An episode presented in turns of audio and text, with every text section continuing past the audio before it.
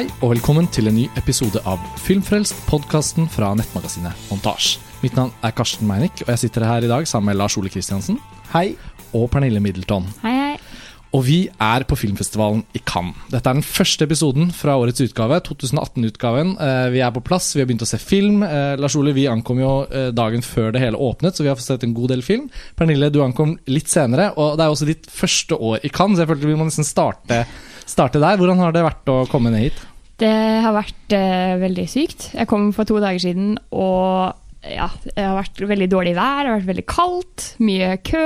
Uh, sikkert stått eh, mer timer i kø enn jeg har sett film, men i bunn og grunn så er det jo verdt det, merker jeg. I hvert fall når mitt første møte med festivalen da er klimaks. Ja, fordi denne første episoden i år skal handle om Gaspar Noés nye film, 'Klimaks'. Som er da det abs den absolutte hot ticket i Cannes eh, 2018. Ja, den er- Fordi den har uh, få visninger, og uh, salene den vises i, er ikke blant de aller største.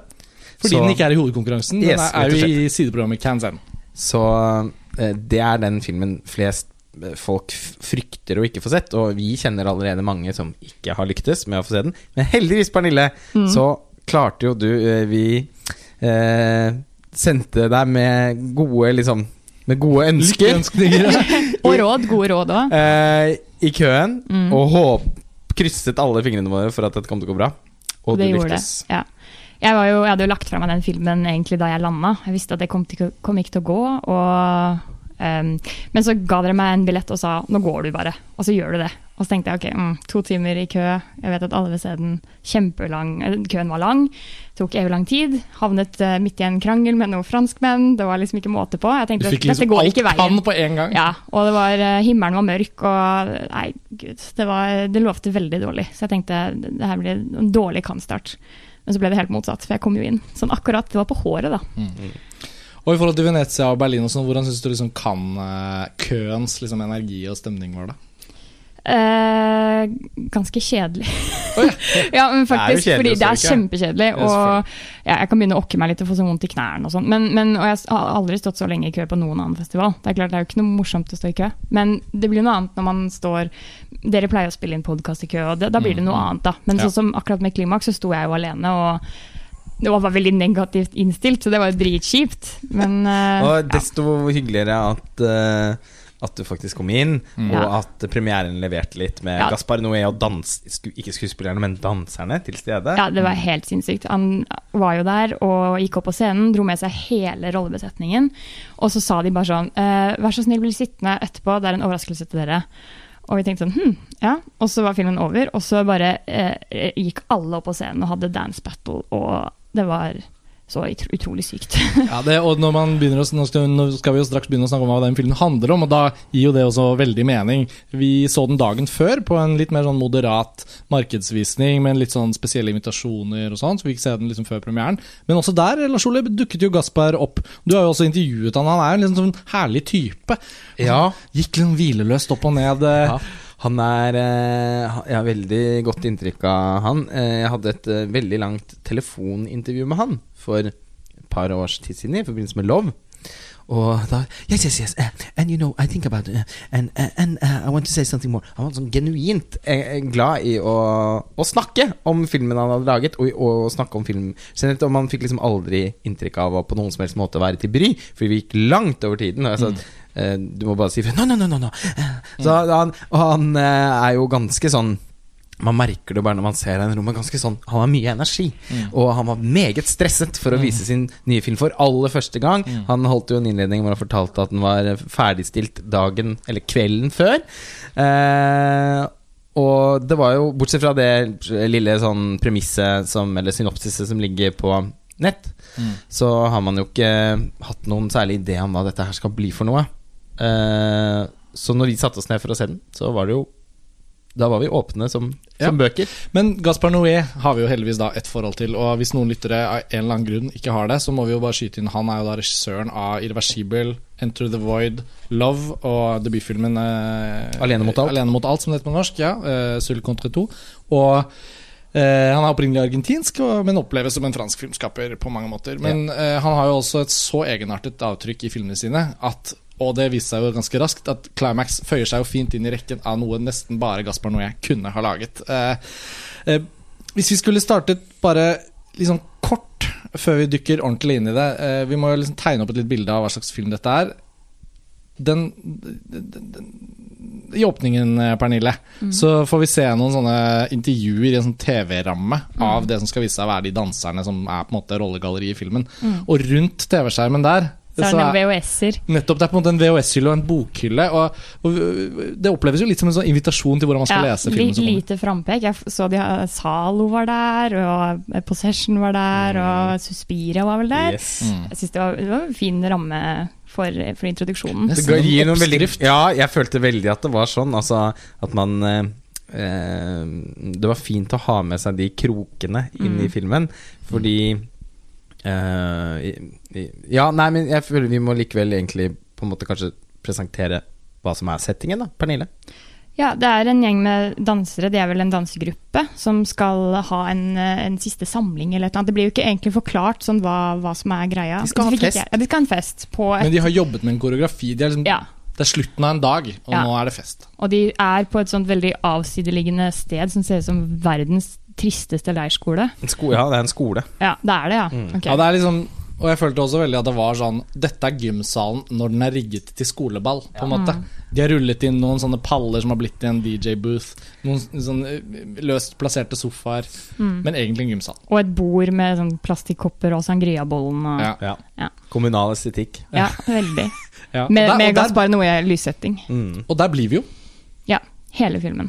Så der skjer det litt av hvert. Etter at uh, de baklengs fortekstene over et ganske sånn utrolig eh, hvitt uh, eh, bild- snølandskap, ja, med en kvinne dekket av blod som kryper bortover i snøen.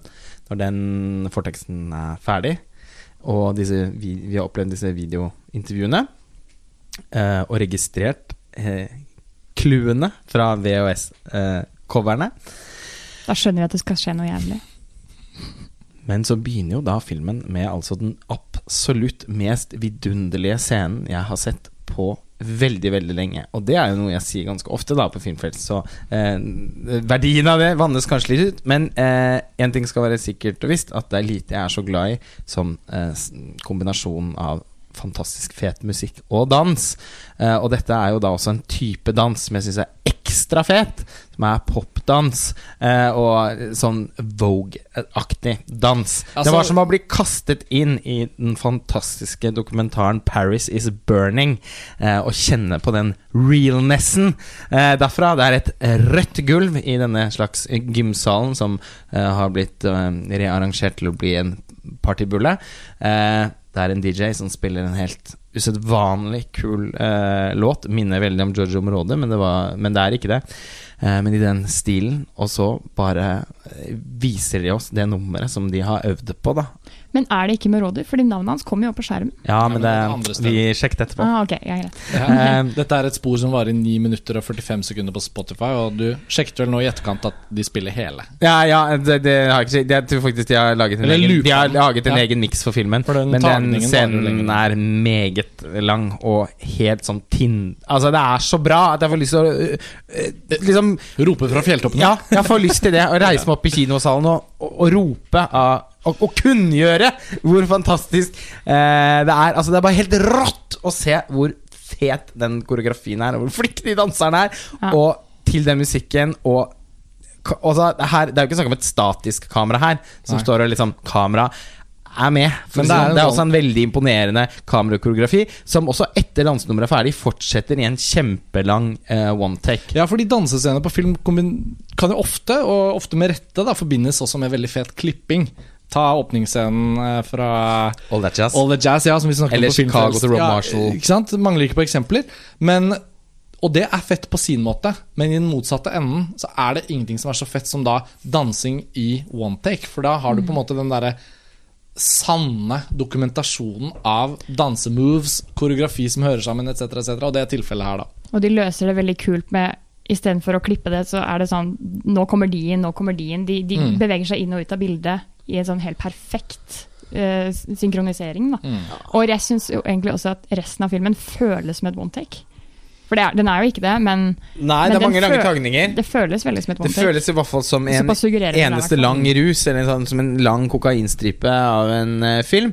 Uh, det som skjer, er eh, Jeg føler ikke at det er, opplever ikke at dette er en spoiler. Uh, Men det, du kan likevel da, for de som har lyst til å høre på podkasten fra Cannes, og likevel har lyst til å vite sånn helt sånn sinnssykt lite, så går det an å stoppe her og bare tenke at dette er en sykt bra film.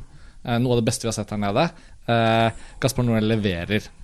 Og så kan dere ta på pause nå. Hvis, Det kan dere, hvis dere liksom ikke vil vite noen ting. men det blir men er veldig det- milde spoilere. Ja, det er det jeg altså, sånn, si. altså, Ser man traileren og sånn, så ja, framkommer dette. så jeg er enig i at det ikke er en veldig spoiler, men da har vi sagt fra, så ingen kommer å bli sinte i kommentarfeltene. Akkurat som eh, gazpachoen i 'Kvinner på randen av nervøst sammenbrudd' av Peder Almodovar, så har vi her en sangria-bolle. En bolle med sangria, eh, som er hjemmelaget. Eh, Sa en bolle med sangria, altså sangria i en bolle. Ja, Ja. ok eh, eh, og som er blitt spiket, viser det seg. For i løpet av en stund så blir alle veldig rare i begynnelsen. Så etter denne først vanvittig imponerende one-taken, som også rommer en scene hvor hun som, har lag, hun som i utgangspunktet skal ha laget sangriaen, som er en slags leder for kompaniet, har uh, lagt sin sønn, som hun har med på denne festen, sånn utrolig eh, lite realistisk element med filmen, som eh, tidlig setter en slags standard for filmens villskap. Eh, og som gir oss altså Som jeg tenker at har en veldig viktig funksjon, fordi at det gjør at man må skjønne at her skal man ikke helt eh, vurdere denne type detaljer, eh, som man kanskje ville gjort i en mer på en måte i, rett og slett i en mer narrativ film. Mm. Fordi Altså, de er jo dansere, de er ikke skuespillere. Eh, Ja, og den det er én etablert skuespiller. Ja da, Sofia Botella. Sofie Botella, Botella. som i opprinnelig er danser, og som har blitt skuespiller. Mm. Noen vil huske henne som en sånn metallbenkledd henchman, eller henchkvinne, fra. Kingsman. Mm. Og hun uh, dukker også opp i en film jeg ikke har sett, men den rebooten av The Mummy med Tom Cruise fra Og i. Star Trek er hun også. Og Og i den forferdelige Atomic Blonde. med Charlize Theron, hvor de kliner heftig i traileren. Jeg har ikke sett Oh filmen. Den God, så hatet du. forferdelig, den. Men Sofie Bøtella har en veldig sånn Veldig flott eh, fremtoning på film, og er jo åpenbart en ekstremt god danser. Så hun er kanskje den mest etablerte Ja, og er også filmens beste skuespiller. Ja. Så, men jeg syns det, må være å deilig spille å kunne si at det er ikke skuespillere i rollene her, det er dansere. Og de er fantastiske dansere. De er ikke spesielt begavede skuespillere. De gjør ingenting. Jeg er faktisk veldig uenig der. Er det? Fordi Dere varslet jo om det i forkant, at det, det er dårlig skuespill, og- han er klar over det. liksom. Men jeg syns at de var uh, altså Nå har ikke jeg vært på en sånn LSD-tripp selv, men jeg kjøpte helt den at det er sånn man kan re reagere, og så, som man blir da av å være på en sånn tripp. Jeg syns de spilte trippingen ganske bra. Jo, og det var jo altså- tripping eller dansing, så Ja, men du kan si at ja, men, men det er veldig skru, det er, Jeg tror det er veldig Jeg føler likevel at det er ganske sånn skrudd opp. For de har Ja, så store fakter. Altså sånn Det er en del sånn på en måte gråt uten tårer her og sånn wow, ah, ah! Altså Og i de, i de Det er jo også Etter denne one-taken er ferdig, så er det også en sånn eh, påfallende lang sekvens hvor de står og snakker stort sett litt sånn griseprat med hverandre. Eh, som, der der syns jeg man godt kan merke at det ikke er skuespillere. Som sagt, jeg syns, nesten det er en kvalitet ved filmen, fordi eh, det fanger noe av den kult Altså, det, det, har, det gir den en sånn litt sånn uslepen diamant, kultaktig feeling som eh, videokassettene i begynnelsen av filmen eh, kan eh, gi oss eh, et hint om at Gaspar Noé er inspirert av. F.eks. Dario Argento, eh, som filmen i flere passasjer legger seg veldig tett opp til, ikke minst i lyssettingen. Selv om lyssettingen nå selvfølgelig også bare er genuint Gaspar Noé, fotograf Benoit Deby-aktig. Ja. Eh, umiskjennelig. jobber i tospann, for å si det sånn. Det er veldig Utvilsomt. Angående det med skuespiller, bare kort, så føler jeg at det må skytes inn at Gaspar Noé, i hvert fall etter min smak, og jeg tror mange er enig, har egentlig vist seg som en veldig god skuespillerinstruktør i sine tidligere filmer, selv om han dyrker det visuelle og har masse sånne konseptuelle grep. Eh, altså, ikke, altså Irreversibel. Jeg syns Monica Bellucci, Vincent Cassel altså Ja, den er jo helt ja, ja. fantastisk Og Enter the Void er veldig bra spilt, syns jeg. Og til å være på en måte en form for sånn akseptabel pornofilm, da, love, eh, hvis man kan, eller jeg vet ikke hvordan vi skal formulere det, så Ja. eh, er det tidvis også ganske imponerende sånn dramatisk spill men den går over the top noen ganger. Og her føler jeg liksom at selv om jeg, jeg er jo glad for at ikke du opplevde at de var måte, hermetegn dårlige skuespillere, Pernille, og jeg tror også at filmen introduserer et univers og en stil og dansingen og alt som gjør at man på en måte kjøper jo at den er i sitt eget toneleie. Da. Ja, ja, altså, Men man må bare bare jo- ikke gå til filmen og forvente en form for sånn realistisk, naturalistisk, troverdig, mellommenneskelig, dramatisk spill. Det er ikke denne filmen opptatt av. Og da er det jo på en måte bra eller dårlig. Det kan man jo Fordi den er jo mer Altså, den er jo mindre finslipt enn de tidligere filmene til Gaspar, og det eh, Det er jo en litt sånn herlig vending, tenker jeg. Fordi altså Det er jo en grunn til at det som oftest går veldig mange år mellom hver film. Det er jo fordi han alltid tar på seg en sånn helt sånn Altså Ambisjonene er nesten helt uvirkelige. Altså Enter the Void Tenk å lage den filmen.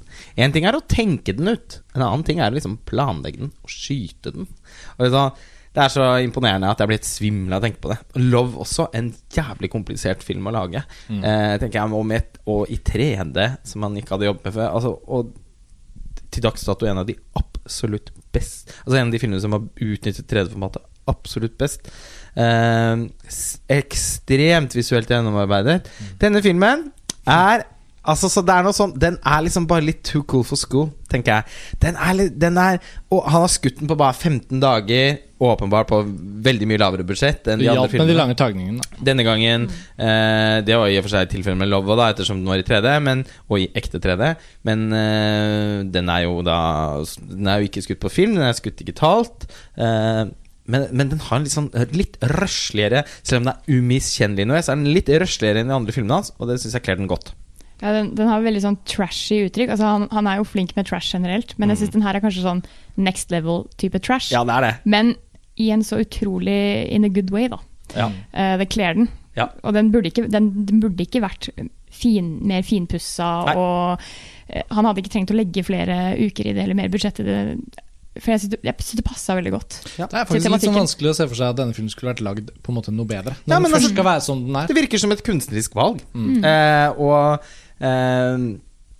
når eh, alle har fått i seg sangria, og det har gått en liten stund Det også, kommer også en sånn sekvens etter denne eh, de, disse dialogscenene, hvor de stort sett bare snakker om ja, i hvilken grad de vil ha sex med hverandre, og på hvilke måter, og hvem de har eller ikke har hatt sex med. Eh, også litt sånn, føler jeg, litt sånn selvrefererende, køddete Noé. Det er som- mer selvrefererende Noé her enn i noen annen Noé-film. ja, ja, altså Det begynner jo med en referanse til Irreversibel, og eh, det stopper ikke. Eh, han er i et veldig køddete humør med den filmen. eh, og, men når da folk begynner å eh, Trippe.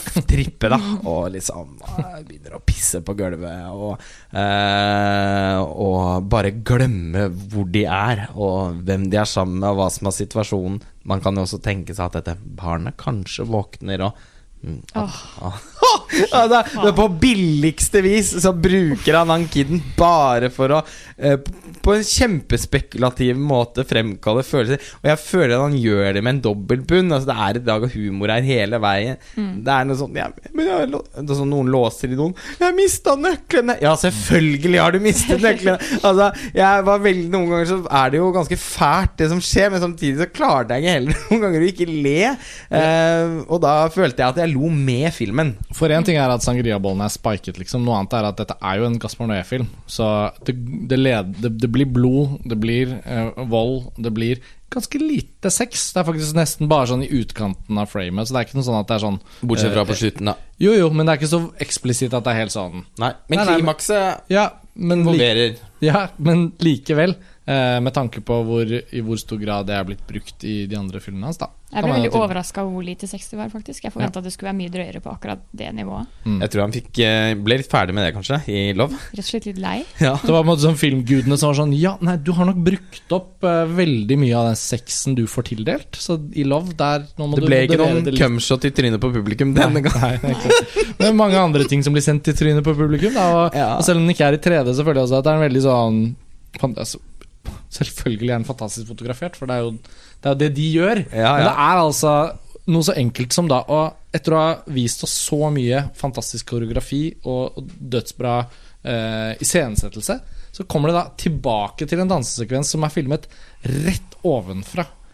Og det må jeg også innrømme at var da en av de mer slående elementene av filmen. Så hvis du på en måte ser for deg en danser som tar en eh, sånn eh, salto, eller hva Ikke sant? Sånn, om, om vi tenker på breakdance eller noen av disse hvor det er sånn veldig mye at du kaster kroppen rundt i forskjellige 360, 480 hit og dit. Når det er filmet rett ovenfra, så blir det jo på en måte mer enn at du får følelsen av at en person går opp i luften og lander igjen. Så får du mer følelsen av at den personen du ser rett ovenfra, sånn, litt sånn satellittbilde, da. Um, er jo flat. Sånn at når kroppen flytter på seg på den måten, så blir liksom bildet du får se, blir en sånn total forvrengning av en menneskekropp. Ja, det blir Og- og det var- abstrahert. ja, så og det liksom varer så lenge. Malingsstrøk som beveger Ja. seg. Og det varer Helt så lenge at eh, det blir hypnotisk. Helt utrolig. Uh, og det er, mange, det er mange av de grepene i denne filmen som for meg står igjen som det beste med den.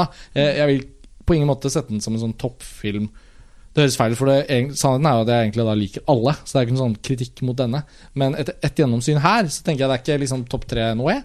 Men det betyr ikke at den ikke er kjempespennende. Og i, visse elementer så er den da enkeltscenemessig vel så spennende som enkeltscenemessige vurderinger av de andre filmene. Ja, jeg også er jo så, såpass eh, blodfan at eh, det sånn var vanskelig å plassere den i liksom eh, i, altså, Etter bare rett gjennomsyn. Men jeg umiddelbart så tenker jeg at Altså, Irreversibel og Enter the Void skal bli spennende å se om det noen gang er mulig for han å overgå det. Men eh, tror nok eh, det er en tredjeplass for meg, altså, foreløpig. Jeg tror den ligger på andre her, jeg. Faktisk. Altså, Irreversible er min nummer én, og så ligger denne her hakket under. Men jeg er jo ikke noe fan av Love heller, da. Nei. Nei. Nei. Og, eh, Fair enough. Fair enough. Det klarer jeg bare ikke. Men, eh, men eh, den eh, Men klimaks, det må man vel si. For, altså, det Love og Enter the Void har litt til felles, er at de begge er ganske krevende filmer. Altså, det, krever ganske mye tålmodighet, faktisk. Langsomt tempo. Eh, irreversible og klimaks er mye, altså mye mer like. Altså, Mm. Tempoet, energien i filmen eh, Grusomheten. Ja.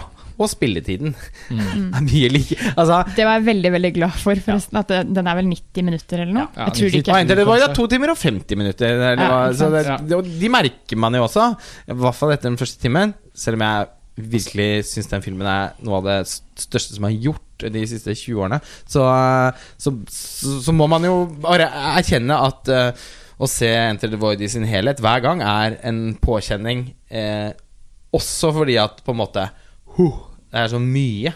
Altså, Ja, den, den her føler jeg at jeg, den, sånn, den her kan jeg sette på mange tenker, ganger eh, og liksom bare nesten ja, kose meg med, da. ja, fordi, hva tenker dere? Jeg tenker eh, For meg slår ikke Climax ned umiddelbart som en sånn tilstandsfilm. Det slår meg mer som en sånn rush-film.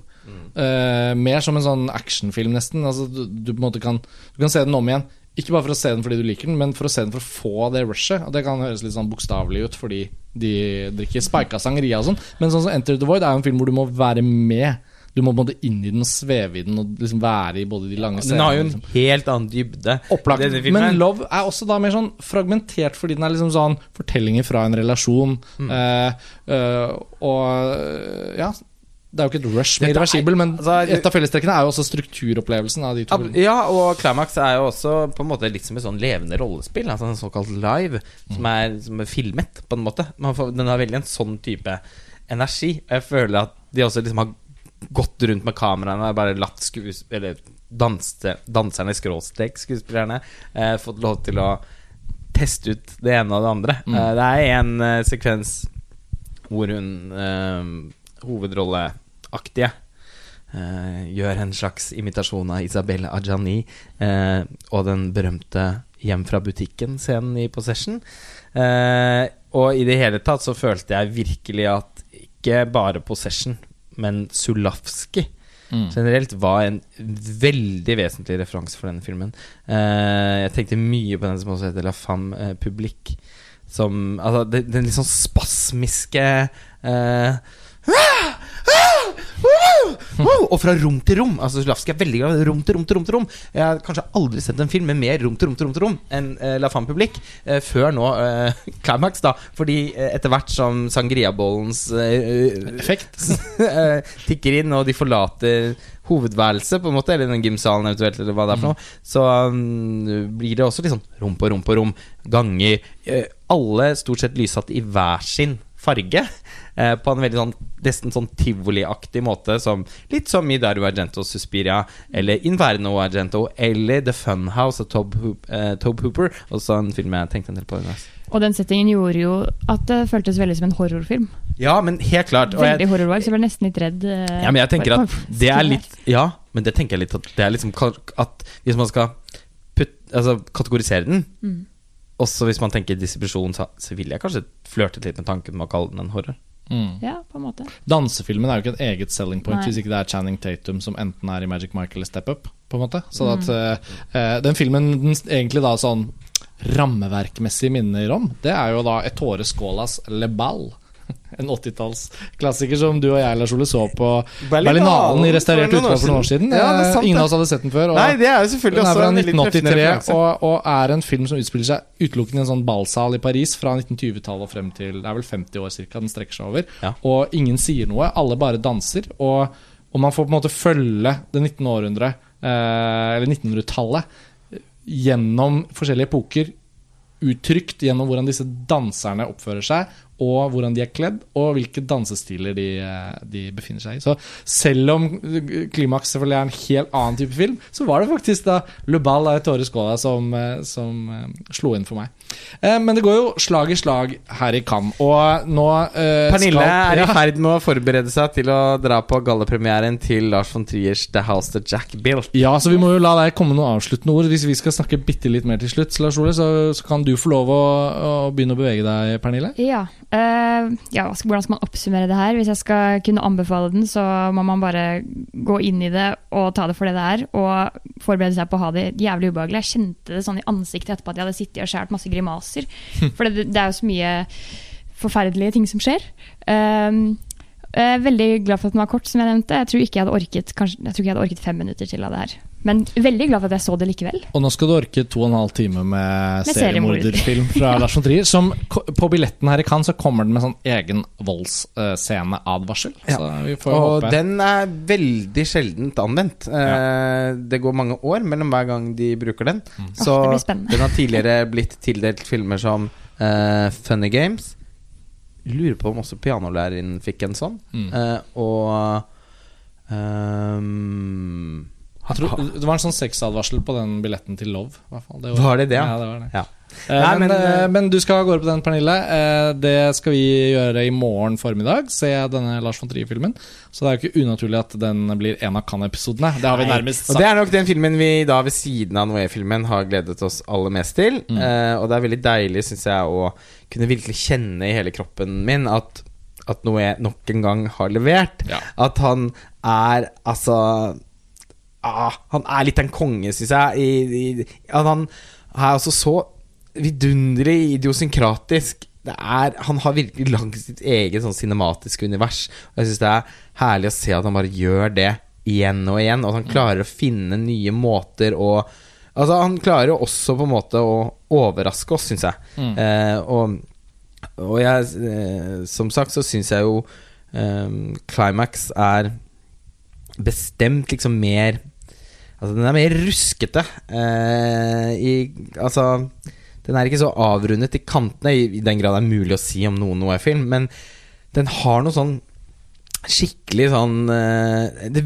det, det virker som de bare har laget den Fordi de har hatt jævlig lyst Og den energien over å liksom få en idé Og bare gjennomføre det Gjøre det med en gang Mm. Den synes jeg filmen bærer veldig preg av Ja. På en kjempe, utelukkende veldig positiv måte Vi skal la deg si, uh, si ha det, Pernille. Så kan du gå og gjøre det du trenger å gjøre, og komme deg av gårde. Ja, Men, takk for meg. men flott å ha deg på plass i Cannes og få snakket om den første filmen du så her nede. Um, det siste jeg vil si til deg, Lars Ole, det er, uh, det er egentlig at mottagelsen For vi var jo på en visning hvor vi ikke engang kunne på en måte si noe før dagen etter. Det var litt sånn under bordet, nærmest. Og så sa jeg i hvert fall, tror jeg til deg, at selv om jeg også selvfølgelig likte den, så følte jeg veldig sånn Uff, ja. Det kan hende dette her blir litt sånn at det blir veldig Enten polariserende, men det er jo ikke nytt for Gaspar Noé. Men jeg var veldig usikker på om den, sånn, den generelle festivalstemningen kommer til å bli positiv. Ja, altså det var jeg, og jeg tenkte sånn virkelig Ja, nå skal kritikerne få noe å bryne seg på. Ja, jeg opplever jo ofte at filmkritikere, ikke minst de norske filmkritikerne, er veldig dårlige på Altså de, den type kultfilm òg, som, som uh, noe legger seg tett opp til her. eh, og ikke plukker de referansene og uh, Ja, det er, så, det er en film som da På en måte Hvis du ikke kjenner filmens vibe, på en måte, så kan, det, kan den jo relativt lett plukkes fra hverandre. Desto mer gledelig var det å se, i hvert fall, dagen etterpå. Det var jo uh, rave reviews. ja, den har fått fantastisk mottakelse. Mm. Så uh, så, så verden uh, Jorda er fortsatt rund. ja, heldigvis. Heldigvis er den det. Og, eh, nei, det har vært, og jeg syns også filmen vokste da jeg hadde fått sovet på den. Og, og ikke minst når vi liksom En ting var at vi så mye ofte, Vi så jo en del dårlig film i starten av festivalen. Forferdelig mye dårlig. Eh, Altså, jeg har aldri opplevd maken til søppelkann enn eh, nei, enn de men- første dagene her. Nei, det, du har nok sikkert opplevd litt maken.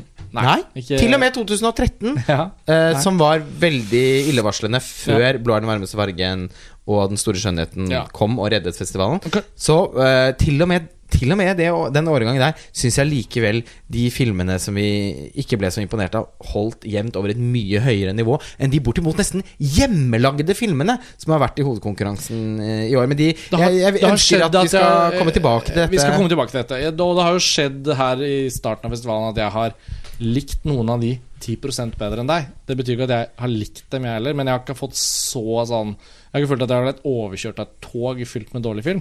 Eh, men det skal, jeg ville egentlig bare si at Climax var i hvert fall da en sånn skikkelig sånn Der kom det en sånn skikkelig film. Og, eh, Ja, altså, og det var jo vi- som å kjenne Det var som å få en Ja, det var jo som å få en spiked sangria, da. Ja. Og se den eh, og, og kjenne at Ja, Ja. nå kom igjen! Film! Filmkunst! Sånn! Men, um, oh, men og, ja. og man lengter allerede etter å se filmen igjen. Jeg Ja, lengter etter å se den, dyrke den, bli fan av den, eh, formidle den til andre, eh, tvinge andre til å synes den er bra. Playliste Playliste sammen dritten låtene. ut av eh, lo, lo, musikk som Det er jo, må jo bare nevnes da. Det er Ja. helt Men det er nesten selvsagt, er det ikke det? Fantastisk soundtrack. Ja, og ikke noe, Da snakker vi ikke originalmusikk. Altså Tomba altså Bangalter har ikke laget mer enn Jeg vet ikke, Han er hadde han lyden? Han er vel han det. var kreditert, så, men det var, det var jo et soundscape som på en Ja. måte nærmest alltid var musikk. Så det er litt vanskelig å si hva som Ja. starter med en låt og ikke. Så, eh, så man må si relativt playlist-basert eh, Ja. lydbilde her. Beste playlisten er på en måte bare å sette på filmen, egentlig. Ja. Sånn oh, jeg ble bare så Ja. Men vi skal, vi skal, Måtte den få norsk kjendisspråk. ja, vi skal avslutte egentlig da, for vi òg. Fordi det er episode én, og vi liker jo på festival å lage liksom episode for episode. Uh, vi skal også snakke litt sånn generelt om inntrykkene fra Cannes, men det er mye som gjenstår å se. Uh, det har vært veldig hyggelig. En del uh, lyttere faktisk eh, har, har trukket fram at de syns det er veldig hyggelig når vi av og til på festival også lager episoder i, i køen, og at ikke alt er på en måte her i studioet vårt. da Sånn at vi skal se om vi kan få laget noen episoder i køen og få ja, formidlet noe av stemningen underveis på festivalen. da Men dette var i hvert fall episode én, eh, Lars Ole. Og eh. Pernille er på vei ut av døren her. Eh, God film på Lars von Trier. Eh, Takk, ha det. Lykke til. fått på seg pent øye. Og um, nei, vi får bare si at det var det for, for nå. Ja, vi er veldig snart tilbake. Vi får håpe at Gaspar Noé leder vei for de andre filmene vi skal se i dagene som kommer. Ha det bra. Ha det.